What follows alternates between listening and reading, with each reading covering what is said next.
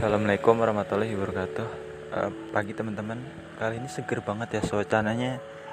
Kemungkinan cerah Meskipun aku prediksi nanti sore bakal hujan mendung lagi.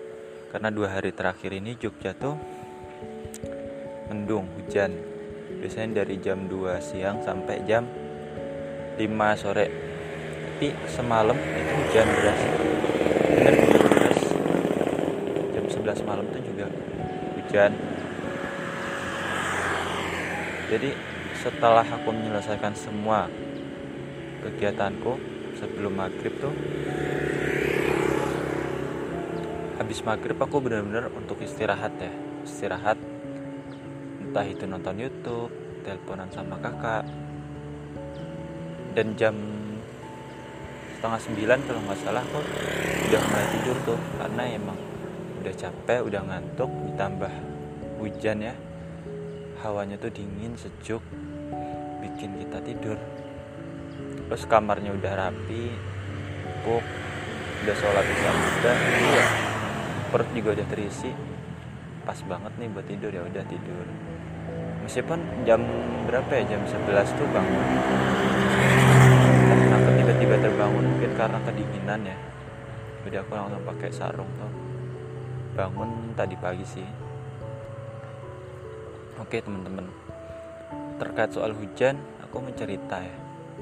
Kalau hujan itu kan banyak Menjadi sumber inspirasi buat Penulis, pelukis Siapa pun itu Dia benar-benar merasakan uh, Nikmatnya hujan. Hujan itu dingin Sejuk Dan dia memberikan kita banyak hal. Kalau kita nunggu Terhambat oleh hujan Kita jadi ngobrol sama orang di sekitar. Nah kadang dari obrolan itu kita timbul rasa seneng ada temen. Atau yang lagi belajar kita jadi tambah nikmat terus tiba-tiba ternostalgia. Terutama soal cinta ya. Hujan ini sering banget kita tentang kehilangan tentang pertemuan. Banyak pengalaman.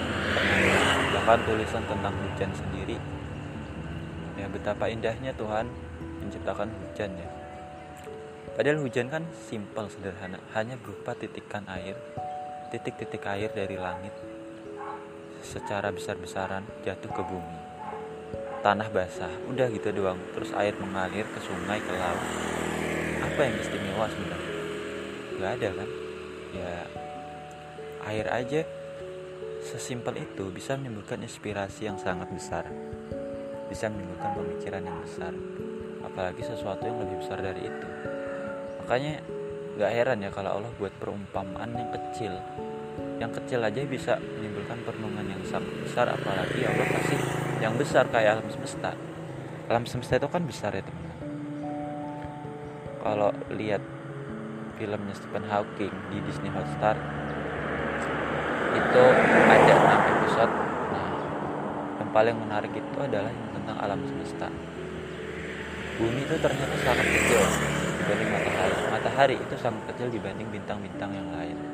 Kenapa bintang kelap-kelip itu terlihat sangat kecil di hadapan kita? Aslinya sangat besar karena jauh jauh sekali. Bayangannya kalau kita lihat orang di jalan di ujung sana pasti kelihatan kecil beda lagi kalau kita deket dia atau dia dekat kita. Maka makin besar. Seperti itulah bintang. Bintang mungkin ukurannya cuma satu titik. Terus apa ya? Tapi aku nggak tahu kenapa kelap kelip. Bintang bercahaya kan? Terus jauh sekali jaraknya mungkin jutaan tahun cahaya atau apa aku nggak paham. Itu yang harus kita syukuri. Dan aku pernah bertanya waktu SMA batas alam semesta itu di mana buku aja nggak tahu batasnya. Tapi alam semesta ini terus berkembang dan berkembang. Jadi kalau ibarat balon itu kan berkembang. Itu kapan meletus kapan? Semesta ini apakah punya batas atau gimana? Itu udah di luar kuasa kita. Waktu SMP kalau nggak salah aku pernah dengar guruku bilang manusia itu bisa keluar angkasa itu atas izin Allah soal ayat uh, yang meninggikan derajat orang yang berilmu. Jadi kalau orang bisa keluar angkasa berarti Allah udah meninggikan beberapa derajat orang itu di antara orang lain. Ya jelas kalau ilmuwan peneliti mereka kan satu langkah lebih maju lebih awal dibanding orang-orang lain yang belum menuntut ilmu ya kan? Makanya menuntut ilmu itu sangat penting ya balik lagi ke hujan. Apa sih kaitan hujan dengan perenungan kita? Ya hujan sesuatu yang sederhana. Memberikan kita banyak pengetahuan banyak ilmu. Dan ilmu itu membuat kita lebih berharga dari sebelumnya. Dari hari kita sebelumnya. Bahkan Nabi sendiri bilang kalau bisa setiap hari itu harus lebih baik dari hari kemarin. Dan sama atau malah lebih buruk kalau sama oke. Okay. anggap aja itu konsisten istiqomah. Tapi kalau lebih baik itu lebih bagus. Satu persen aja lebih baik atau 0,00 sekian persen. Ada kebaikan. Misalkan kemarin yang telat sekarang jadi lebih tepat waktu. Besok lagi lebih cepat 5 menit. Besok lebih cepat satu jam. Begitu seterusnya sampai ada peningkatan. Kalau semua hal udah kita lakukan dengan baik kita tuh udah otomatis gitu nggak perlu mikir lihat jadwal lagi nggak perlu. Jadi kita bisa fokus ke hal-hal lain bahkan nambah kapasitas diri kita nambah batas batas kita memperluas batasnya gitu. Kalau kita terbatas dalam finansial boleh jadi besok finansial udah bukan batasan lagi. Begitu seterusnya sampai ya kita nggak tahu benar-benar batas tuh sampai mana. Mungkin batas yang benar-benar tuh ketika kita udah bersinggungan sama Tuhan gitu. Kayak alam semesta tadi. Di mana sih batas alam semesta? Nah itu batas jadi kita tuh nggak nggak tahu batasan kita sebenarnya di mana. Untuk tahu batasan kita harus terus bergerak harus maju terus jangan berhenti jangan menyerah. Mungkin kalau kamu menyerah itu karena kamu nggak yakin aja sama impian kamu. Kamu membandingkan diri dengan orang lain teringat masa lalu atau khawatir akan masa depan? Intinya tadi hujan.